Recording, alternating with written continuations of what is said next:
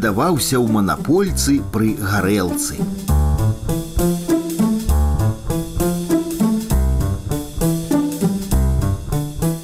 Удзячная гэта справа знаёміцца з паэтам завочна. Не тады, калі бярэш кніжку з гучным прозвішчам аўтара, а тады, калі даведваешся пра аўтарства упадабанага раней твору.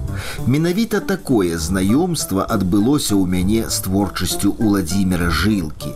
У пачатку 90-х я пачаў слухаць беларускае, слухаў усё запар ад афіцыйнай эстрады да андэграунду, але найбольшае вялікае задавальненне прыносіла мне перазапісаная дзясяткі разоў аўтарская песня. І неяк прывязалася да душы адна прыгожая песенька ольгі цярэшчанкі шлях да Бога. Я міжволі вывучыў яе на памяць. Як пазней высветлілася, я вывучыў верш Уладзіміра жылкі.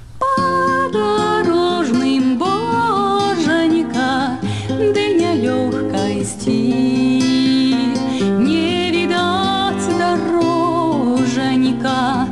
Тяжко без пути, стропу стежки ровное, сбились дяды, и тады няходные замяли сляды, замяли сляды.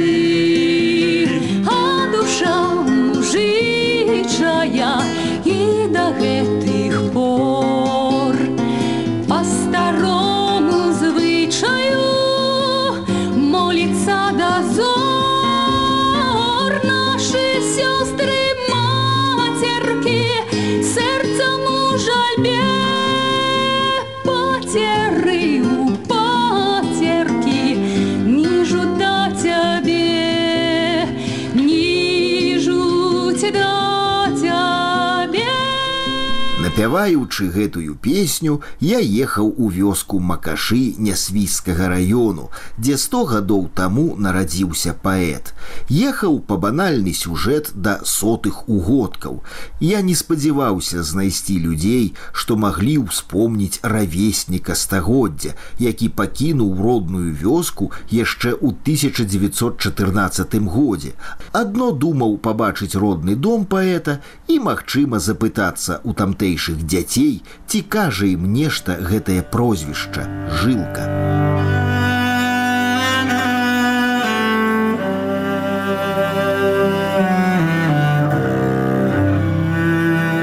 Макашоў у маім дарожным атласе не было.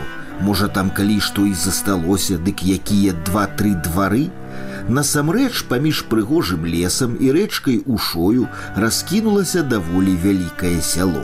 Старыя драўляныя дамкі перамяжоўваюцца з дыхтоўнымі мураванкамі. Сумным сімбалем пра мінулага стагоддзя глядзяцца руіны калгаснага мех двара з іржавымі шкілетамі камбайнаў.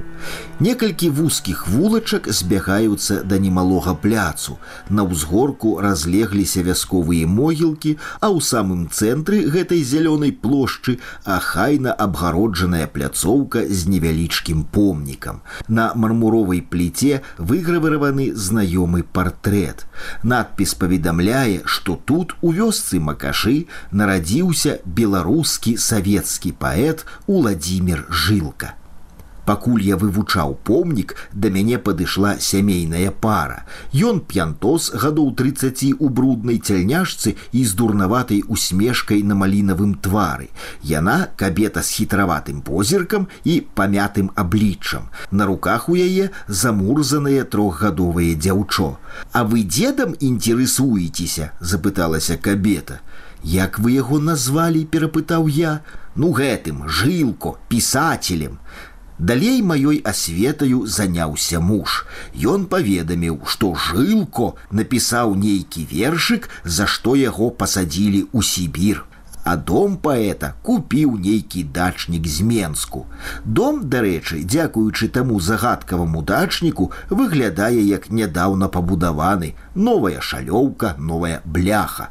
А вунь там, паведаміла кабета, жыве стары дзед, які хрысціў таго паэта. Можа, я чаго не дачуў, але да паказанага кабетаю дому пайшоў з вялікай цікавасцю.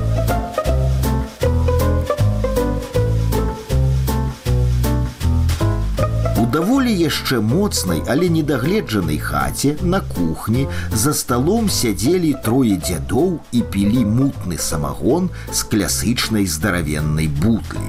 Вызначыць узрост найстарэйшага было амаль немагчыма. Сказалі б 117 поверыў бы. Але гэты маленькі усохлы дзядок быў у кампаніі за камандзера. Другі стары, рахманы і памяркоўны, ціхенька прытуліўся ў куточку. Трэці на тле астатніх двух выглядаў проста маладзёнам.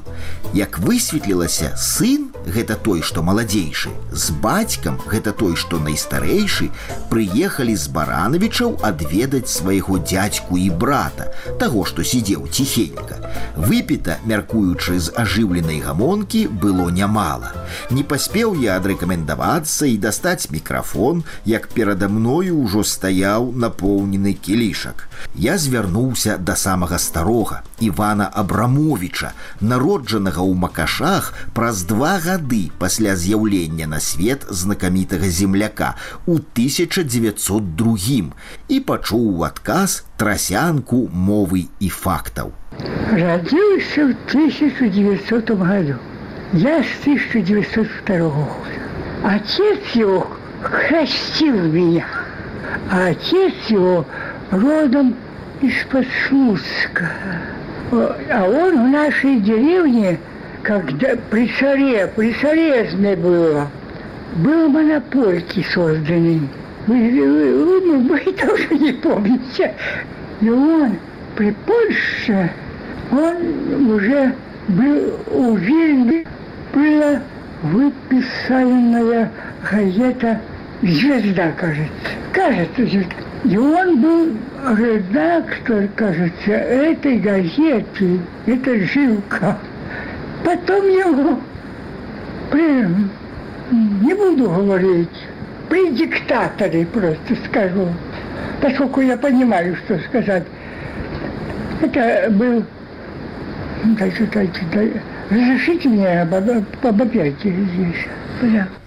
я ўжо ведаў, што бацька паэта сапраўды быў сядзельцам манаполькі, якая стаяла каля самага млына, дзе ўвесь час у чарзе нудзіліся завознікі, надзейныя кліенты ў бары Адама жылкі.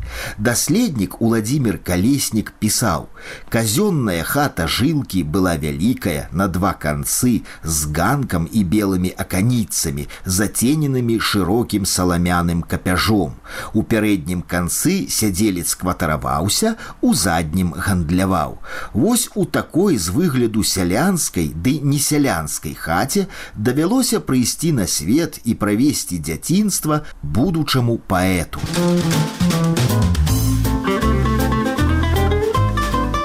Гэта значыць, што нарадзіўся паэт фактычна ў манапольцы, пры гарэлцы, у антуражы падобным на той, у якім цяпер успамінаюць пра яго землякі. Я ведаў таксама, што звязда выходзіла не ў вільні, а ў Менску. Жылка сапраўды быў там супрацоўнікам, але не рэдактарам, калі ў 26 годзе вярнуўся з прагі ў Менск. Але ўсе гэтыя дакладныя і недакладныя факты падаваліся мне малаістотнымі на цяперашнім застоллі. Да мяне пакрысе пачынала даходзіць, што перада мною без двух гадоў раўналетак толькі што пра мінулага стагоддзя. Але ўсвядоміць гэта цалкам на цвярозую маю галаву было цяжкавата. Пагатоў дзядуля, як я зразумеў, толькі пачынаў хмялець. Николай, братишка ты мой, мне не надо заниматься болтологией. Человек приехал по вопросу. Приехали спросить про жилка. Да. Мы должны ответить. Ты знаешь про жилка? Говори. Вы знаете, ты, брат, знаешь про Жилкашов? Говори тоже. Надо говорить то, то, что знаешь про человека. А то, что болтологией заниматься, Я этим вовек не занимался.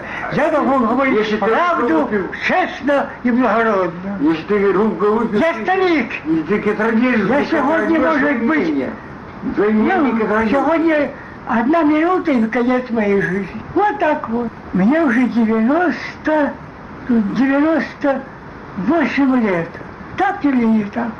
Что Николай, за отличие? ну дай- там? Ну что это Ну дай же мне сказать, а ты потом будешь болтать. Сиди, тебе помешало эти 50 грамм. Я вот э, столько было, я столько не допью.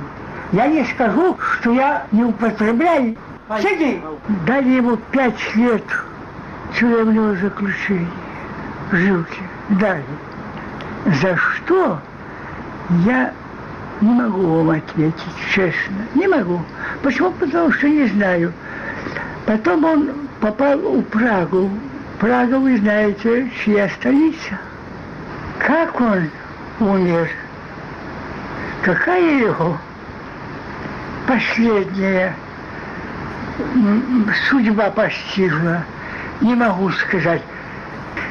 Патриот был Родины. И потом дали ему вместо воздуха, дали ему пять лет тюрьмы. И отец его был крестным моим отцом. Вот что.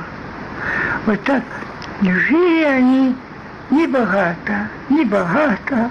Где он умер, я не могу сказать. Почему? Потому что не знаю.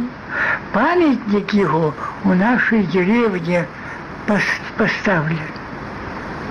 Деревня Макаши. Это поставили уже года два-три. Мне. Жаль мне. Стары Абрамович закурыў прыму і зайшоўся такімі рыданнямі, быццам пахаваў самага блізкага сябра пару дзён таму.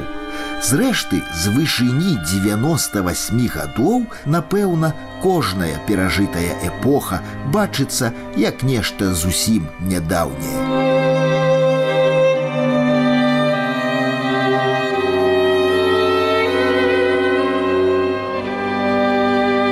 не стаў болей турбаваць старых людзей, пакінуўшы іх далей распіваць сваю пляшку. Няцяжка нават уявіць, як гэтая троіца п'е на працягу стагоддзя ад самага нараджэння. За пыльным акном мяняюцца рэжымы і ўлады. Па дарозе на Ішкалц праходзяць арміі ў самых разнастайных уніформах, радыё балбоча на розных мовах, а тут усё той жа стол, усё тая ж гарэлка і ўсё тыя ж тосты за здароўе і доўгае жыццё. Там расейская імперія і другая польская рэспубліка, трэці райх і ССР. І як тут не дапіцца да беларускай незалежнасці. Уявіць за гэтым сталом жылку я не здолеў, не тое, што ў якой віленскай кавярні ці на вуліцы ў празе. Адкуль зрэшты малады, невылечна хворы і незвычайна таленавіты чалавек вырашыў ехаць у чырвоны Менск, абмяняць жыхарства ў Чэхіі на савецкі пашпарт сталінскага ўзору. Які неразумны ўчынак сённяшняга гледзішча, калі ўсё часцей мяняюцца пашпарты незалежнай Беларусі у адваротным накірунку.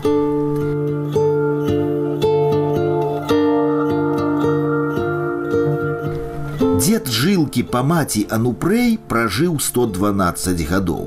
З такой моцнай генетыкай і сам паэт мог сядзець за тым адвечным сталом амаль што да нашых дзён. І не было б сухотаў, на якія захварэў у Менску, не было б вільні і прагі і смерці на чужыне, Але не было б і вершаў.